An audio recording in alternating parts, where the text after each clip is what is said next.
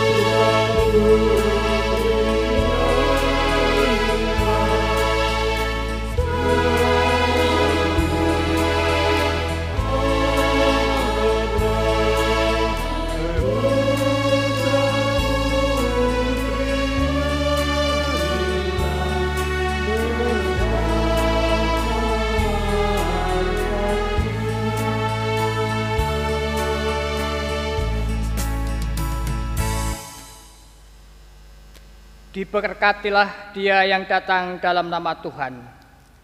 Hosana bagi anak Daud. Hosana di tempat yang maha tinggi. Hosana, Hosana, Hosana. Tuhan besertamu. Dan bersamamu juga.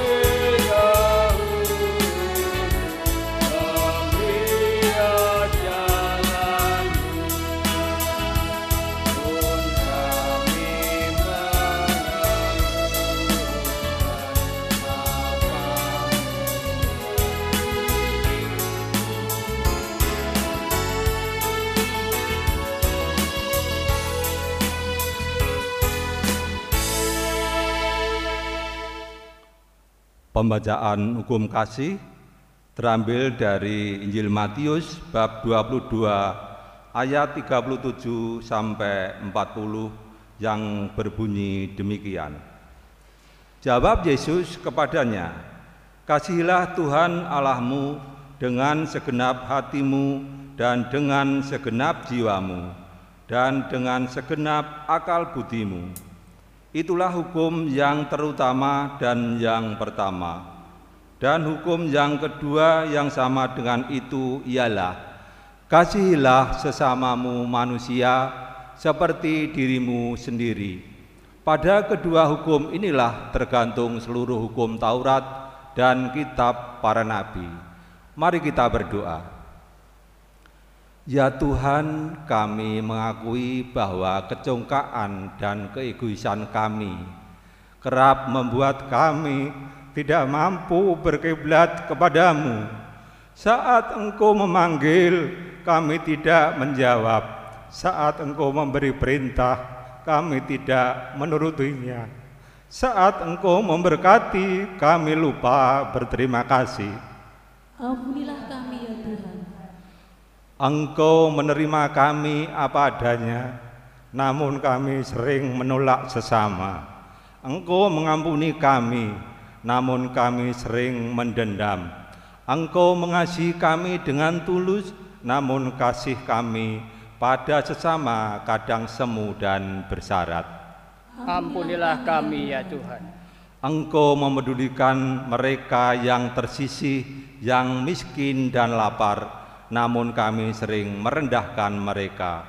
Engkau berjuang bagi mereka, tetapi kami berjuang hanya untuk diri kami sendiri. Ampunilah kami ya Tuhan.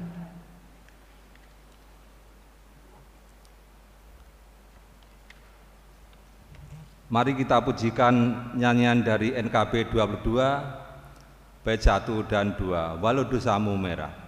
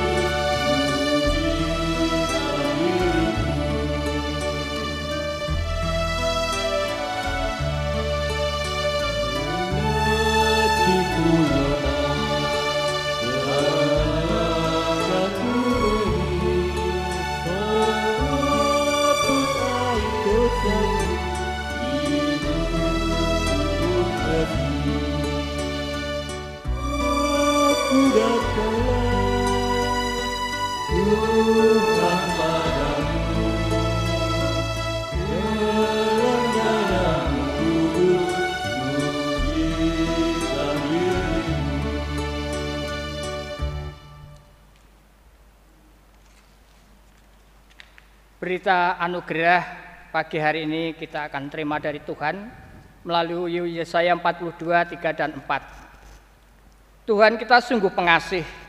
Ia tidak segera menghukum anaknya yang melakukan dosa dan pelanggaran, tetapi ia mengendaki pertobatan. Firman-Nya berbunyi, Buluh yang patah terkulai tidak akan diputuskannya, dan sumbu yang pudar nyalanya tidak akan dipadamkannya. Tetapi dengan setia ia akan menyatakan hukum. Ia sendiri tidak akan menjadi pudar dan tidak akan patah terkulai sampai ia menegakkan hukum di bumi. Segala pulau mengharapkan pengajarannya. Demikian berita anugerah dari Tuhan. Syukur pada Allah.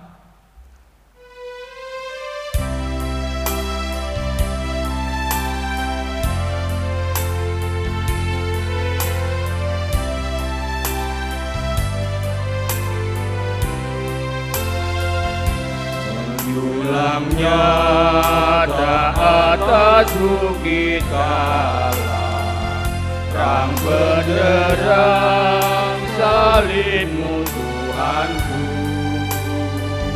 Dari sinarnya yang menyala-nyala Memancar kasih agung dan restu Seluruh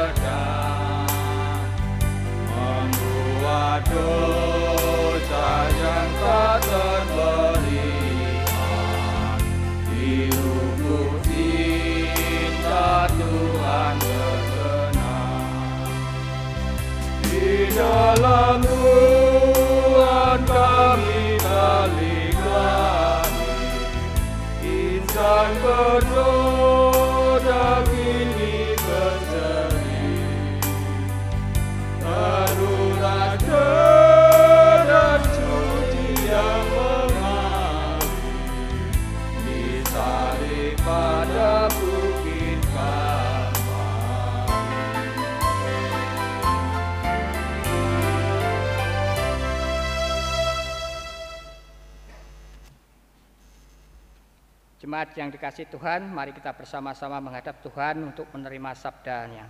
Mari saya hantarkan.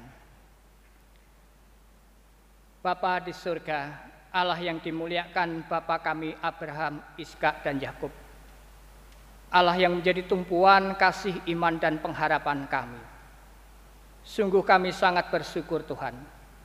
Jikalau di sela-sela kesibukan kami, Engkau masih memberikan kesempatan kepada kami untuk menikmati kasih-Mu di dalam ibadah syukur ibadah raya di pagi hari ini. Dan sekaligus kami menyambut Minggu Palmarum, di mana kami bersama-sama ingin menikmati dan merasakan kasih-Mu melalui pengorbanan putramu yang tunggal Tuhan kami Yesus Kristus di atas kayu salib. Oleh sebab itu Bapak izinkan kami untuk kami bisa menerima sabdamu dan kami bisa bersama-sama untuk mewujudkan kasih-Mu di dalam kehidupan kami kepada seluruh sesama kami.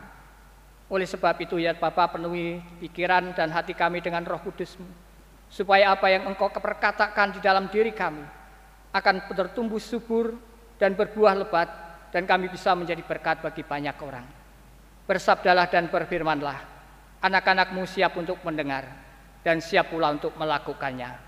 Di dalam nama Tuhan Yesus, kami naikkan puji syukur kami. Haleluya. Amin. Jemaat yang dikasih oleh Tuhan Yesus Kristus, firman Tuhan pagi hari ini diambil dari Injil Matius, pasalnya yang ke-21 ayat 1 sampai dengan yang ke-11. Injil Matius pasal yang ke-21 ayat 1 sampai dengan 11 demikian Tuhan bersabda. Ketika Yesus dan murid-muridnya telah dekat Yerusalem dan tiba di Bethfage yang terletak Bukit Zaitun, Yesus menyuruh dua orang murid dua orang muridnya dengan pesan, "Pergilah ke kampung yang di depan itu, dan di situ kamu akan segera menemukan seekor keledai betina terhambat dan anaknya ada dekatnya." Lepaskanlah keledai itu dan bawalah keduanya kepadaku.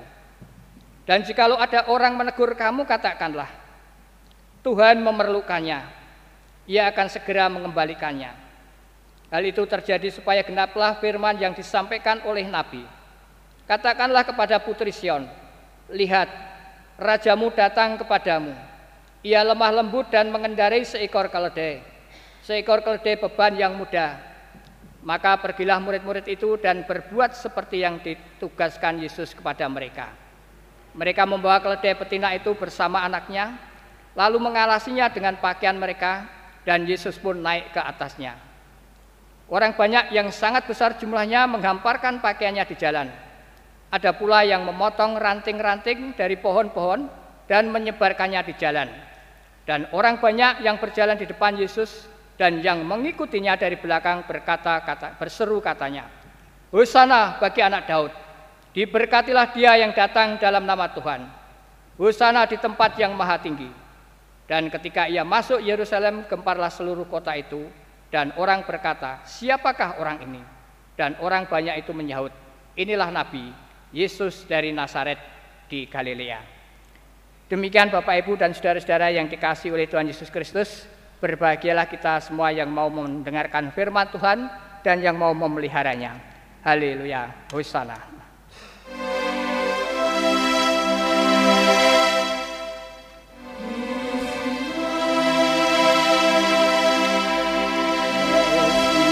Jemaat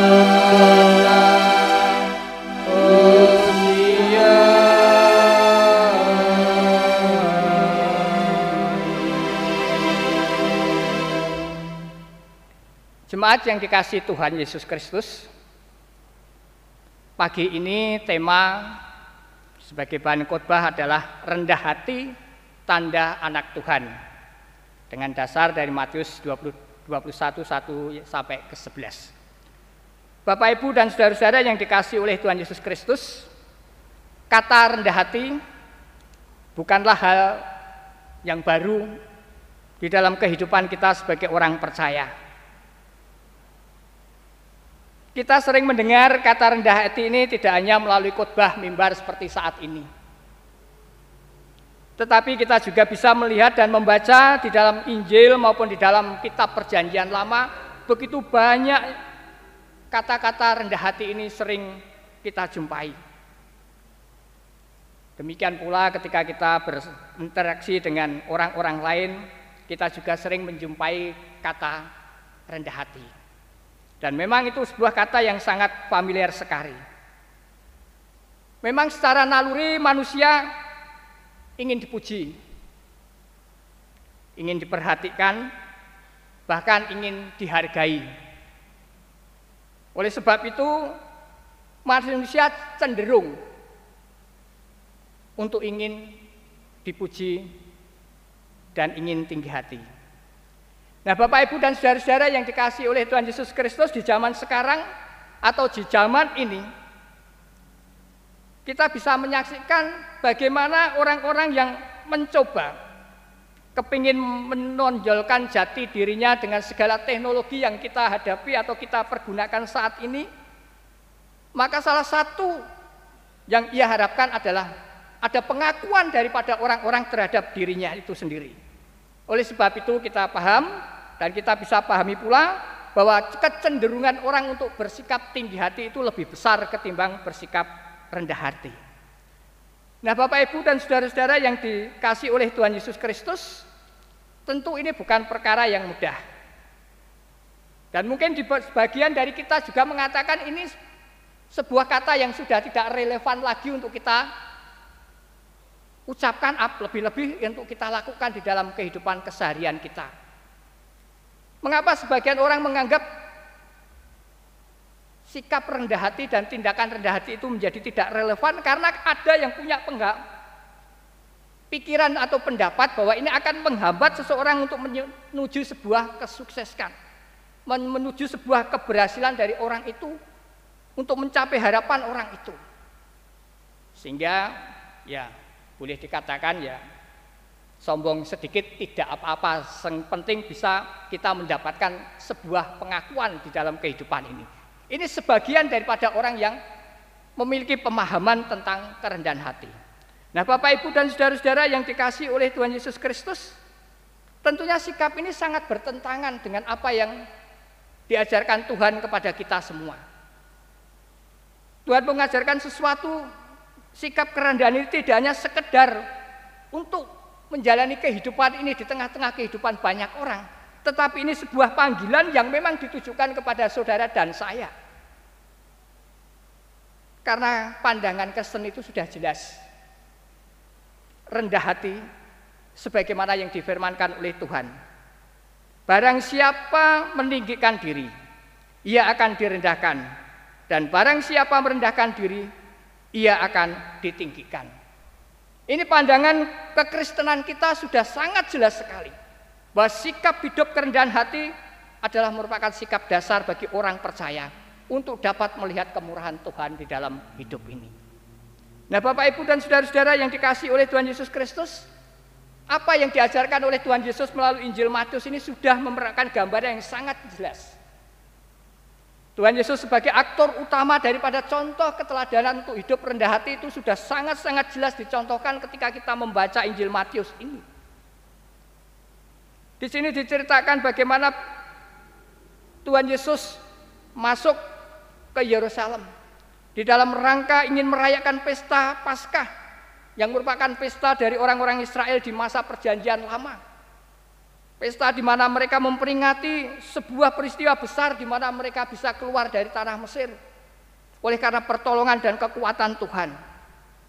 Oleh sebab itu dengan sebuah peristiwa yang sangat besar ini Tuhan Yesus ingin mencoba menyatakan diri sebagai sebuah kehidupan yang akan disampaikan kepada banyak orang tentang damai sejahtera melalui proses kerendahan hati yang ingin diajarkan kepada banyak orang. Nah, Bapak Ibu dan saudara-saudara yang dikasih oleh Tuhan Yesus Kristus, ketika memasuki Yerusalem ini, Tuhan Yesus disambut sedemikian besar oleh banyak orang. Mereka sangat berharap sekali bahwa Tuhan Yesus ini ada akan menjadi sosok yang akan melepaskan bangsa Israel dari penjajahan bangsa Romawi. Oleh sebab itu Tuhan Yesus digadang-gadang untuk dijadikan raja, digadang-gadang untuk menjadi pemimpin mereka. Tetapi apa yang kita lihat Bapak Ibu dan saudara-saudara, Tuhan Yesus masuk ke Yerusalem tidak menggunakan sebuah tumpangan yang dalam tanda petik memiliki kekuatan. Mungkin pada saat itu kuda adalah merupakan kekuatan. Karena bisa berlari cepat memiliki fisik yang kuat dan juga memiliki tenaga yang sangat luar biasa. Tetapi Tuhan Yesus memilih keledai yang sangat lemah sebagai tumpangan untuk menuju ke Yerusalem.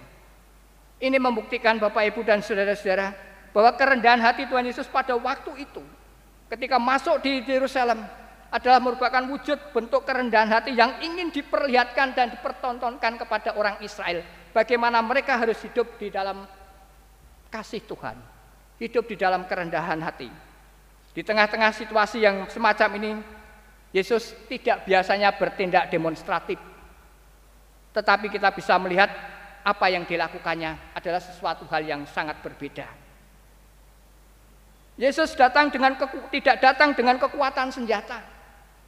Yesus datang dengan tidak membawa pasukan yang banyak, tetapi Yesus datang dengan damai sejahtera. Yesus datang dengan kerendahan hatinya. Itu datang dengan segala keistimewaan dari sang kaliknya. Masuk ke Yerusalem. Dan di sanalah kita dapat melihat untuk membuktikan bagaimana cara Tuhan Yesus memperingatkan orang-orang Israel pada waktu itu tentang pentingnya menerima Yesus sebagai sang juru selamat, menerima Yesus sebagai Mesias.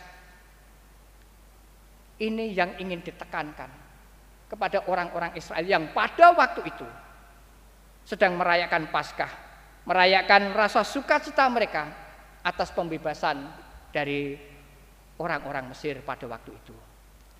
Nah, Bapak Ibu dan saudara-saudara yang dikasih oleh Tuhan Yesus Kristus, di bagian lain kita juga dapat melihat bagaimana Rasul Paulus mengirim surat kepada Filipi.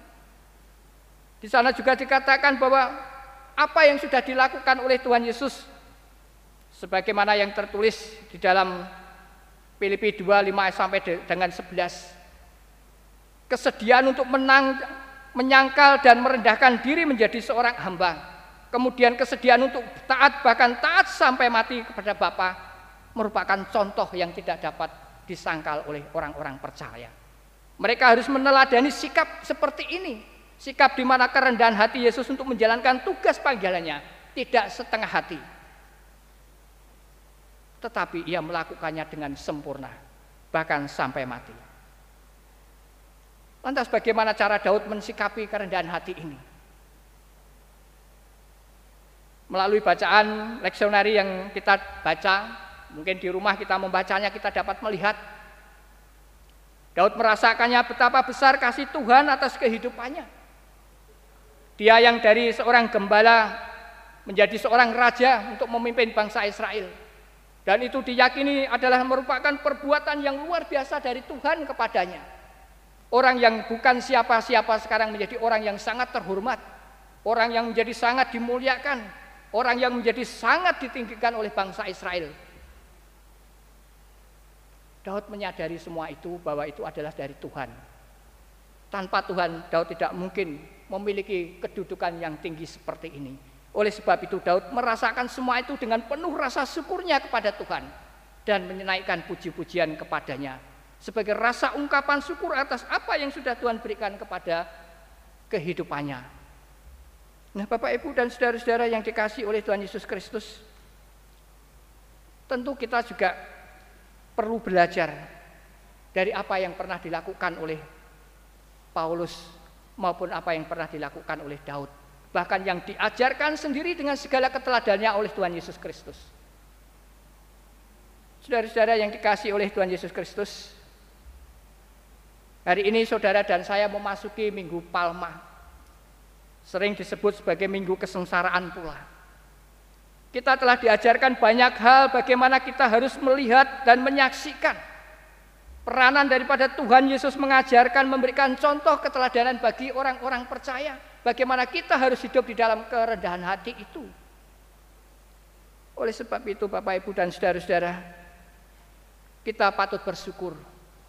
Karena Tuhan Yesus tidak hanya memberikan berita tentang keselamatan, tidak hanya menyampaikan firman-firman tentang kerendahan hati.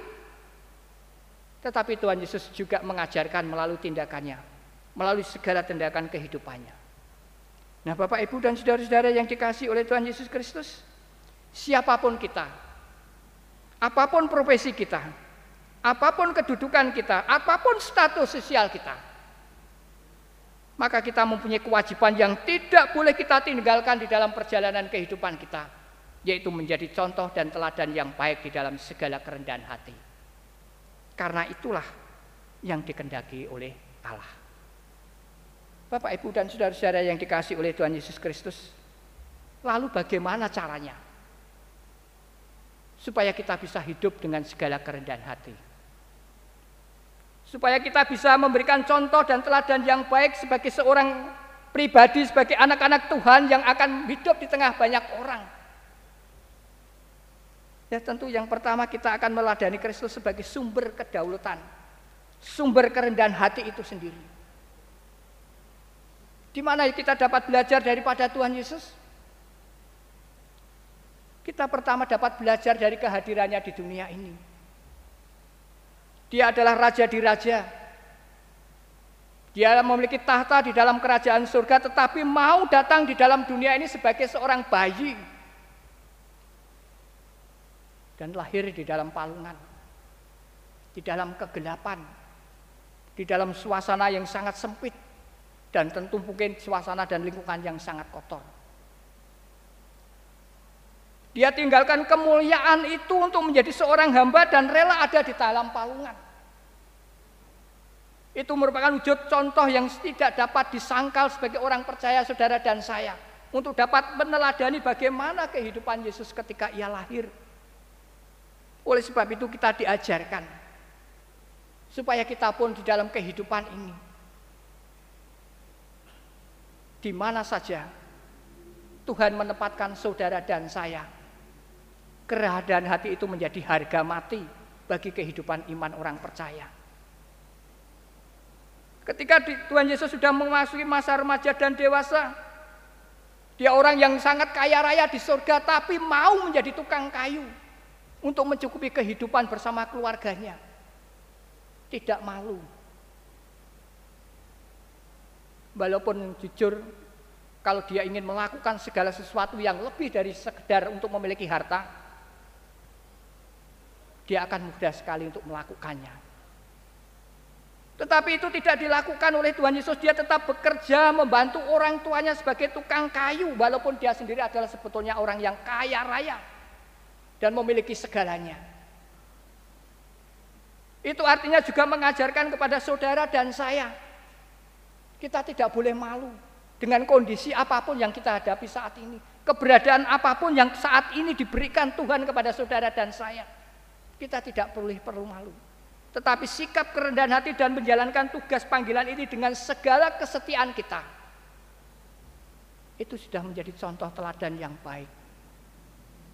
Oleh sebab itu jangan pernah merasa minder di dalam menjalani kehidupan ini. Tetapi pakailah hikmat dan talenta yang sudah Tuhan sediakan untuk kita. Supaya kita dapat melaksanakan tugas ini dengan baik. Demikian pula contoh keteladanan kerendahan hati Tuhan Yesus juga dinampakkan ketika dia menjalani jalan salib. Dia yang maha mulia. Dia yang patut disembah. Dia yang patut dipuji.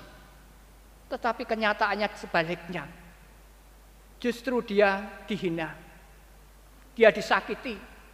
Dia diludahi. Dimahkotai dengan mahkota duri bahkan dihukum salib walaupun tidak bersalah. Tetapi apakah ada yang keluar dari lidah bibirnya untuk mengancam kepada orang-orang yang melakukan semua itu? Tidak ada. Dia tetap mengasihi orang-orang yang membenci. Dia tetap mengasihi orang-orang yang menghina. Dia tetap mengasihi orang-orang yang mencaksi. Bahkan dia tetap mengasihi orang yang menghukumnya di tiang gantungan kayu salib. Bahkan puncaknya kasih itu dinyatakan ketika dia akan menghadap Bapaknya. Tuhan ampunilah mereka sebab mereka tidak tahu apa yang mereka perbuat. Inilah keteladanan yang harus kita tarik di dalam perjalanan kehidupan saudara dan saya. Ketika ada orang yang membenci kita, ketika ada orang yang menyakiti kita, ada orang yang mungkin tidak senang dengan kita. Bukan saatnya saudara dan saya mengeluarkan kata-kata balas dendam, kata-kata kebencian, kata-kata hujat. Tetapi saat ini adalah saatnya saudara dan saya juga mengasihi mereka. Bahkan di dalam hubungan kita dengan Tuhan, kita tetap berdoa untuk mereka. Supaya Tuhan mengampuni apa yang mereka berbuat untuk kehidupan kita. Di dalam pelayanannya Tuhan Yesus juga mengajarkan. Bagaimana para murid pada waktu itu dibasuh kakinya. Dia melayani dengan baik, dengan melayani dengan kasih. Seharusnya para murid itu melayani Tuhan Yesus, tetapi sebaliknya malah Tuhan Yesus melayani para murid. Itu bentuk pelayanan dan segala kerendahan hati yang sangat-sangat mulia yang diajarkan oleh Tuhan Yesus kepada saudara dan saya. Nah bagaimana dengan saudara dan saya saat ini sebagai pelaku-pelaku firman ini? Apakah kita akan memiliki sikap yang berbeda dengan sikap Tuhan Yesus? Sikap yang ingin dilayani, sikap yang ingin dihargai, sikap yang ingin selalu mendapat perhatian orang banyak. Nah, kita balik. Kitalah sekarang yang proaktif menjadi pelayan-pelayan bagi mereka semua. Supaya apa yang diinginkan Tuhan di dalam kehidupan ini bisa terwujud di dalam kehidupan banyak orang. Saudara dipanggil untuk melayani dan bukan untuk dilayani. Inilah contoh keteladanan Tuhan Yesus di dalam kerendahan hati. Kemudian yang kedua kita bisa melihat dari Mazmur 102, 118, 28 sampai 29. Di sana Daud telah menyatakan rasa syukurnya yang sedemikian luar biasa. Sebagaimana yang saya ungkapkan di depan. Karena segala sesuatu yang ia dapatkan saat ini bukanlah sesuatu yang datang dengan secara tiba-tiba.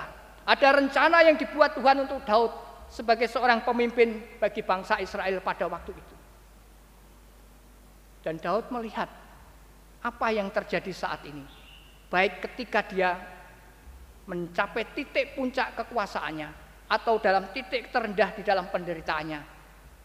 Tuhan ada di dalam hidupnya sehingga ia tetap bersyukur kepadanya. Karena apa yang terjadi dalam kehidupannya ini tidak di luar pengawasan Tuhan, tetapi ada di dalam pengawasan Tuhan dan ada di dalam pemeliharaan Tuhan. Oleh sebab itu dengan segala kerendahan hati itu Daud mengucap syukur kepada Tuhan atas segala kebaikan dan kemurahan. Dan inilah yang seharusnya menjadi model dan gaya hidup saudara dan saya. Siapakah saya? Siapakah saudara? Kita semua adalah orang-orang yang tercela, orang-orang yang wajib dan menerima hukuman daripada Tuhan oleh karena segala cacat celah dan dosa yang kita jalani selama hidup ini. Tetapi oleh karena anugerah dan kasih Tuhan, saudara dan saya diselamatkan melalui pengorbanan Tuhan Yesus di atas kayu salib. Nah, itulah yang harus kita pakai sebagai saran hidup ini untuk kita dapat bersyukur. Tanpa pengorbanan Tuhan Yesus, tidak mungkin saudara dan saya akan melihat surga tanpa pengorbanan darah Yesus di atas kayu salib, saudara dan saya tidak akan pernah melihat keselamatan, tidak pernah melihat apa yang diberikan Tuhan kepada kita melalui karya keselamatannya. Oleh sebab itu Bapak Ibu dan saudara-saudara, jadikan rasa syukur ini menjadi model di dalam hidup kita. Walaupun dalam kondisi terburuk sekalipun kita hadapi. Kemudian yang ketiga Bapak Ibu, kita bisa melihat Bagaimana supaya kita juga bisa menjadi seorang hamba, seorang hamba yang bisa menjadikan contoh teladan untuk menjadi orang yang rendah hati, yaitu memiliki hati seorang hamba. Apa yang disebut dengan hati seorang hamba? Hati seorang hamba adalah hati yang selalu sedia, siap sedia untuk melayani dan siap sedia untuk berkorban. Itu hati seorang hamba. Tidak ada pertanyaan, tidak ada tuntutan, tidak ada protes tetapi semua dilakukannya dengan penuh rasa syukur, dengan penuh kesetiaan, yaitu melayani dan berkorban di dalam kehidupannya untuk memuliakan nama Tuhan. Bapak, Ibu, dan saudara-saudara yang dikasih oleh Tuhan Yesus Kristus, hari ini kita semua memasuki Minggu Palmarem, di mana dan saudara dan saya akan menyongsong Paskah. Kita bersama-sama akan merayakan Paskah. Namun di tengah-tengah apa yang sedang kita persiapkan, bangsa dan negara kita ini sedang mengalami problem yang sangat luar biasa, yaitu adanya virus corona yang melanda dunia dan melanda bangsa dan negara kita ini. Pemerintah sudah memutuskan bahwa kita semua akan diam di rumah supaya penyebaran virus ini tidak menjadi ke mana-mana dan tidak membuat bangsa ini semakin banyak orang yang menerima akibat dari virus ini. Sebagai warga negara yang baik, sebagai anak bangsa yang baik, memang kita sepatutnya patuh untuk apa yang dikatakan oleh pimpinan kita. Supaya apa yang direncanakan dan dibuat oleh pemimpin kita untuk menghindari, bahkan mencegah, bahkan menghilangkan virus ini dapat terlaksana melalui pribadi-pribadi saudara dan saya. Kita tidak akan bisa melaksanakan apa yang diperintahkan itu kalau di dalam hati saudara dan saya tidak ada kerendahan hati. Kita tidak akan mungkin bisa melakukan apa yang menjadi protokol daripada kesehatan itu kalau tidak ada kerendahan hati di dalam diri saudara dan saya. Aku ki wong sehat, wong kuat, ora mungkin kena. Ini sikap tinggi hati, sikap yang tidak membidik, sikap yang tidak punya hikmat. Tetapi sebagai warga negara, sebagai jemaat Tuhan, kita patut untuk mengapresiasi apa yang sudah dilakukan oleh pemerintah kepada bangsa dan negara ini. Dan saat ini pun kita melakukan hal yang sama. Nah Bapak Ibu dan Saudara-saudara, sudah menjadi kewajiban saudara dan saya. Kerendahan hati tidak hanya sekedar diucapkan di dalam kata-kata, tetapi kerendahan hati harus kita tindak lanjuti di dalam praktek hidup saudara dan saya. Bangsa dan negara ini membutuhkan saudara dan saya untuk bersama-sama membasmi virus ini. Dan itu diawali dari diri sendiri, diawali dari diri kita. Kesadaran untuk merendahkan diri dan percaya kepada hikmat Tuhan itu akan menentukan keberhasilan pemerintah di dalam mengatasi virus ini. Dan Minggu Palmaram ini akan menjadi minggu yang sangat spesial bagi saudara dan saya. Ketika Tuhan mengingatkan tentang kerendahan hati itu. Nah Bapak Ibu dan saudara-saudara yang dikasih oleh Tuhan Yesus Kristus. Dunia saat ini tidak membutuhkan orang-orang yang tinggi hati. Dunia saat ini tidak membutuhkan orang-orang congkak dan sombong. Karena dunia saat ini memang sudah congkak. Dunia saat ini memang sudah sombong. Tetapi dunia saat ini membutuhkan orang yang rendah hati. Dan pagi hari ini, saudara dan saya dipanggil untuk hidup menjadi rendah hati. Untuk apa? Supaya saudara dan saya untuk menjadi berkat bagi bangsa untuk menjadi berkat bagi sesama dan menyampaikan salam kepada setiap orang bahwa kerendahan hati itu adalah dari Tuhan untuk Tuhan dan bagi kemuliaan nama Tuhan. Yakobus 4 ayat 10 demikian Yakobus berkata, "Rendahkanlah dirimu di hadapan Tuhan dan Ia akan meninggikan kamu." Inilah prinsip kehidupan kita di dalam Tuhan, di dalam kerendahan hati. Mari kita sambut Minggu Palmaram ini dengan penuh sukacita. Kita sambut Paskah tahun ini walaupun banyak kendala yang kita hadapi, tetapi kita tetap percaya, kita tetap bersyukur dan kita tetap melayani karena Tuhan ada di dalam hidup dan hidupan saudara semua. Tuhan memberkati kita semua. Haleluya. Amin.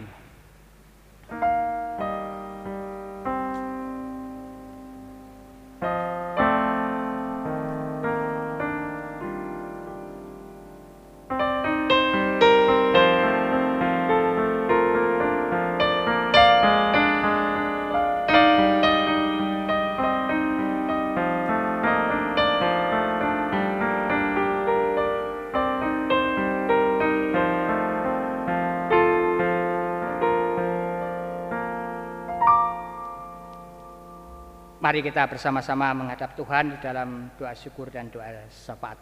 Mari saya hantarkan.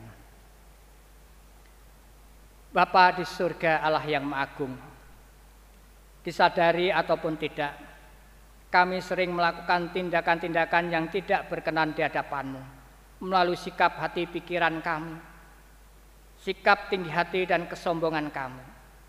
Oleh sebab itu kami sangat bersyukur di pagi hari ini Tuhan, di masa Minggu Palmaram ini Engkau mengingatkan kepada kami untuk kami hidup di dalam kerendahan hati. Karena itulah yang Engkau kendaki untuk setiap pribadi yang percaya kepadamu. Kiranya Roh Kudusmu memampukan kami Tuhan, supaya setiap perkataan Tuhan itu boleh menjadi berkat di dalam hidup kami dan kami bisa menjadi berkat pula bagi banyak orang. Terpujilah namamu Bapa kekal selama-lamanya. Bapa di surga Allah yang kami muliakan di dalam nama Tuhan kami Yesus Kristus. Perkenankan pula di pagi hari ini kami berdoa Tuhan untuk anak-anakmu yang tidak bisa beribadah bersama-sama dengan kami. Oleh karena mereka saat ini kemungkinan menjalankan tugas panggilan mereka. Dan terkhusus bagi saudara-saudara kami yang saat ini menjadi tenaga medis Tuhan. Kami mohon pertolonganmu untuk mereka semua. Lindungi dengan darah salibmu Tuhan. Supaya mereka dapat menjalankan tugas itu dengan baik. Sehingga segala sesuatu yang ia kerjakan hanyalah dari Tuhan untuk Tuhan dan bagi kemuliaan nama Tuhan. Terlebih bangsa dan negara bangsa dan negara kami saat ini Tuhan sedang mengalami persoalan virus corona yang menyebar ke mana-mana ini. Kami membutuhkan hikmat daripada Tuhan untuk kami semua dan terutama anak-anakmu yang saat ini berada di garda terdepan untuk menyelamatkan bangsa dan negara kami ini. Ya Allah Bapa yang maha baik, kiranya Engkau berkati mereka, Engkau berikan kekuatan kepada mereka Tuhan sehingga tetap mereka bisa menolong saudara-saudara mereka yang saat ini terinfeksi virus ini Tuhan. Sehingga mereka dapat memberikan warna tersendiri dalam menjalankan tugasnya. Dan kami berdoa pula Tuhan bagi mereka semua yang saat ini terinfeksi Tuhan. Kiranya juga Engkau berikan kekuatan untuk dapat memperoleh kesembuhan daripada Tuhan sendiri. Melalui setiap sarana yang saat ini diusahakan oleh para tenaga medis itu sendiri. Berkati pula Tuhan mereka saat ini yang mungkin kehilangan sanak saudara mereka akibat virus ini. Tuhan kiranya juga Engkau berikan kekuatan, penghiburan dan pertolongan Tuhan supaya mereka tetap tegar dan tetap kuat untuk dapat menjalani kehidupan selanjutnya bersama keluarga-keluarga yang masih ada di dalam kehidupan mereka semua. Demikian pula Bapa kami juga mohon berkatmu untuk anak-anakmu yang saat ini tinggal di rumah. Oleh karena ada kebijakan dari pemimpin bangsa kami, izinkan mereka Tuhan tetap untuk menjadikan rumah mereka menjadi mesbah bagi kemuliaan-Mu. Mereka tidak meninggalkan firman-Mu, mereka tidak meninggalkan ibadah-ibadah kepadamu, dan mereka tetap bersujud syukur kepadamu. Oleh karena hanya Engkaulah menjadi sumber kekuatan bagi mereka semua. Berkati Tuhan rumah tangga-rumah tangga anak-anakmu ini, supaya di dalam keheningan kehidupan mereka saat ini, mereka tetap bisa memancarkan kasih mereka kepada dunia ini. Bapa di surga Allah yang kami muliakan di dalam nama Tuhan kami Yesus Kristus. Kami juga mohon berkatmu Tuhan untuk kedua gembala kami, Pendeta Nomolas dan Timotius.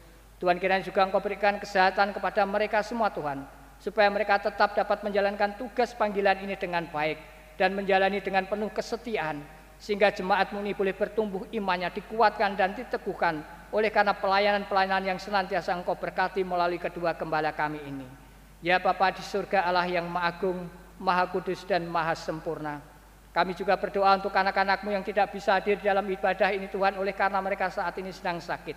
Kiranya juga engkau tolong Tuhan mereka semua. Terutama mereka semua yang saat ini memasuki usia senja. Kiranya Tuhan tetap memberikan pengharapan dan penghiburan kepada mereka supaya di tengah-tengah sakit penyakit di usia senja mereka tetap memiliki pengharapan di dalam Tuhan. Terima kasih Tuhan, Engkau begitu baik dan luar biasa baik menjaga dan memelihara jemaatmu sampai saat ini. Dan biarlah ini Tuhan akan menjadi model bagi kehidupan iman kami untuk kami terus dapat bersyukur kepadamu. Bapa di surga Allah yang kami muliakan di dalam nama Tuhan kami Yesus Kristus. Kami juga mohon berkatmu Tuhan untuk para pemimpin bangsa dan negara kami ini Tuhan. Berkati presiden kami, wakil presiden kami Tuhan. Berkati para menterinya Tuhan. Berkati wakil-wakil kami di DPR maupun mereka yang ada di DPD Tuhan. Supaya mereka dapat menjalankan tugas panggilannya dengan baik. Terlebih di tengah-tengah bencana yang melanda bangsa dan negara kami ini.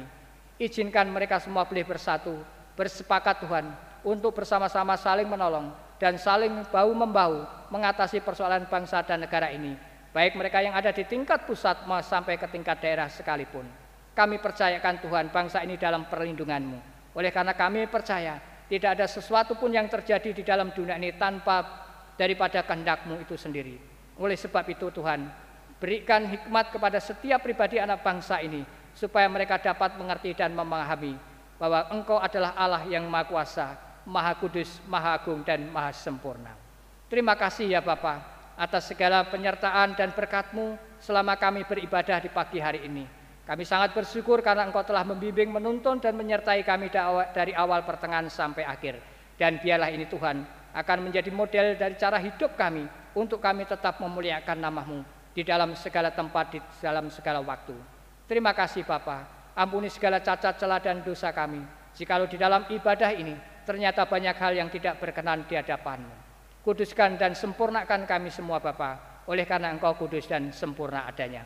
Di dalam nama Tuhan kami Yesus Kristus, kami serahkan doa yang tidak sempurna ini. Terima kasih ya Bapa. Haleluya, haleluya, haleluya. Amin.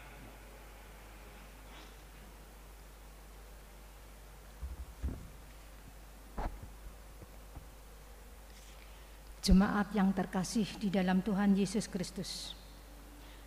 Marilah kita nyatakan rasa syukur melalui pemberian persembahan firman yang akan mendasari persembahan terambil dari 2 Tawarikh 31 ayatnya 12a.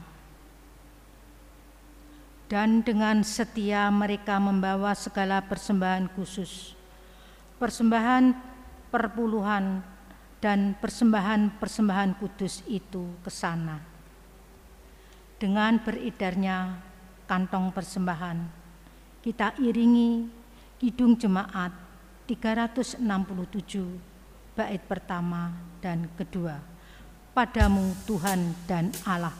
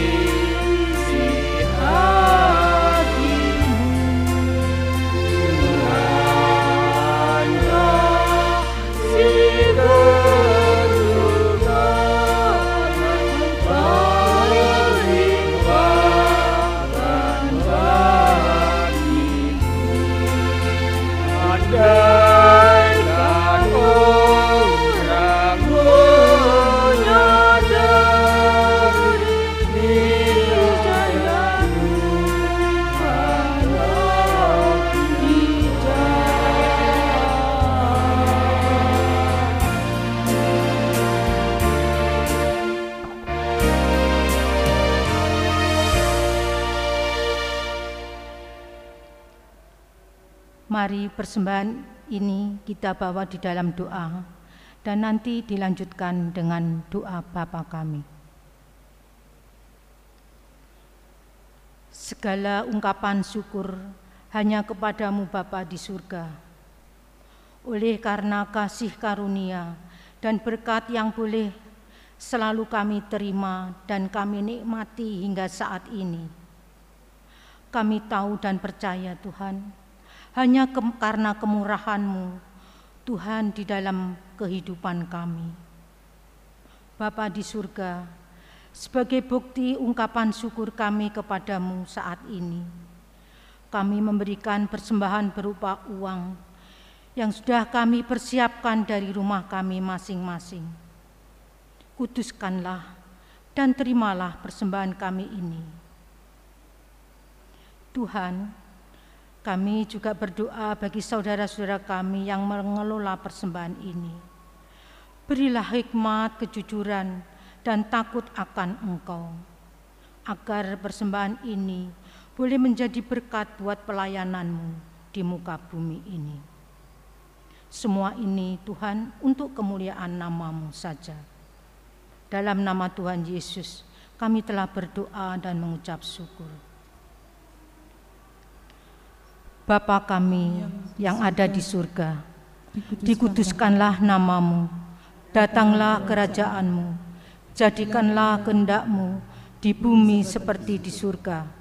Berilah kami pada hari ini makanan kami yang secukupnya, dan ampunilah kami akan kesalahan kami, seperti kami juga mengampuni orang yang bersalah kepada kami dan janganlah membawa kami ke dalam pencobaan, tetapi lepaskanlah kami daripada yang jahat. Karena engkaulah yang mempunyai kerajaan dan kuasa dan kemuliaan sampai selama-lamanya. Amin.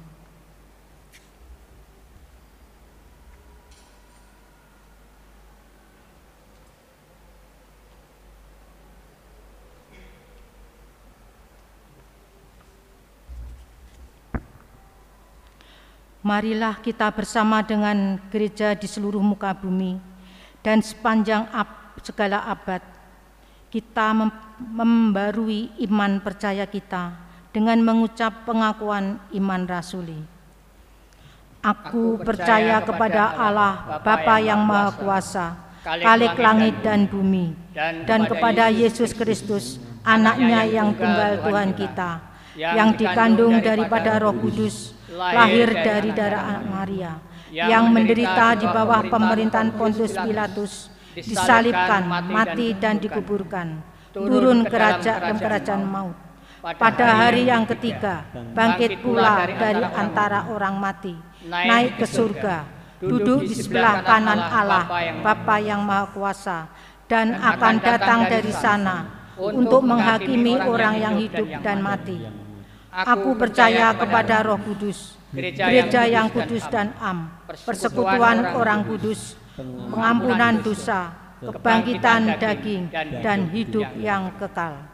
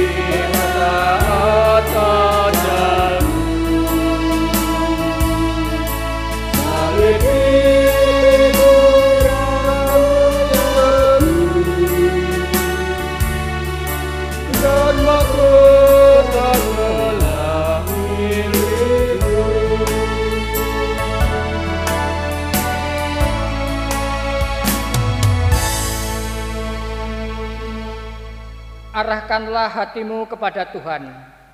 Dengan jemaahkan hati, kami memiliki keberanian untuk belajar menjadi hamba yang rendah hati. Jadilah saksi Kristus. Yang siap memberitakan bahwa janjimu yang selalu ditepati. Terpujilah Tuhan. Melalui kehidupan kami di sini dan selamanya. Bapak, Ibu, dan saudara-saudara yang dikasih oleh Tuhan Yesus Kristus, mari kita undur dari tempat ini dan kita bersama-sama pulang dengan membawa berkat daripada Tuhan. Mari kita terima berkat Tuhan. Tuhan memberi kita dan melindungi kita. Tuhan menyinari kita dengan wajahnya dan memberi kita kasih karunia. Tuhan menghadapkan wajahnya kepada kita dan memberi kita damai sejahtera. Dalam nama Bapa, Putra, dan Roh Kudus. Amin.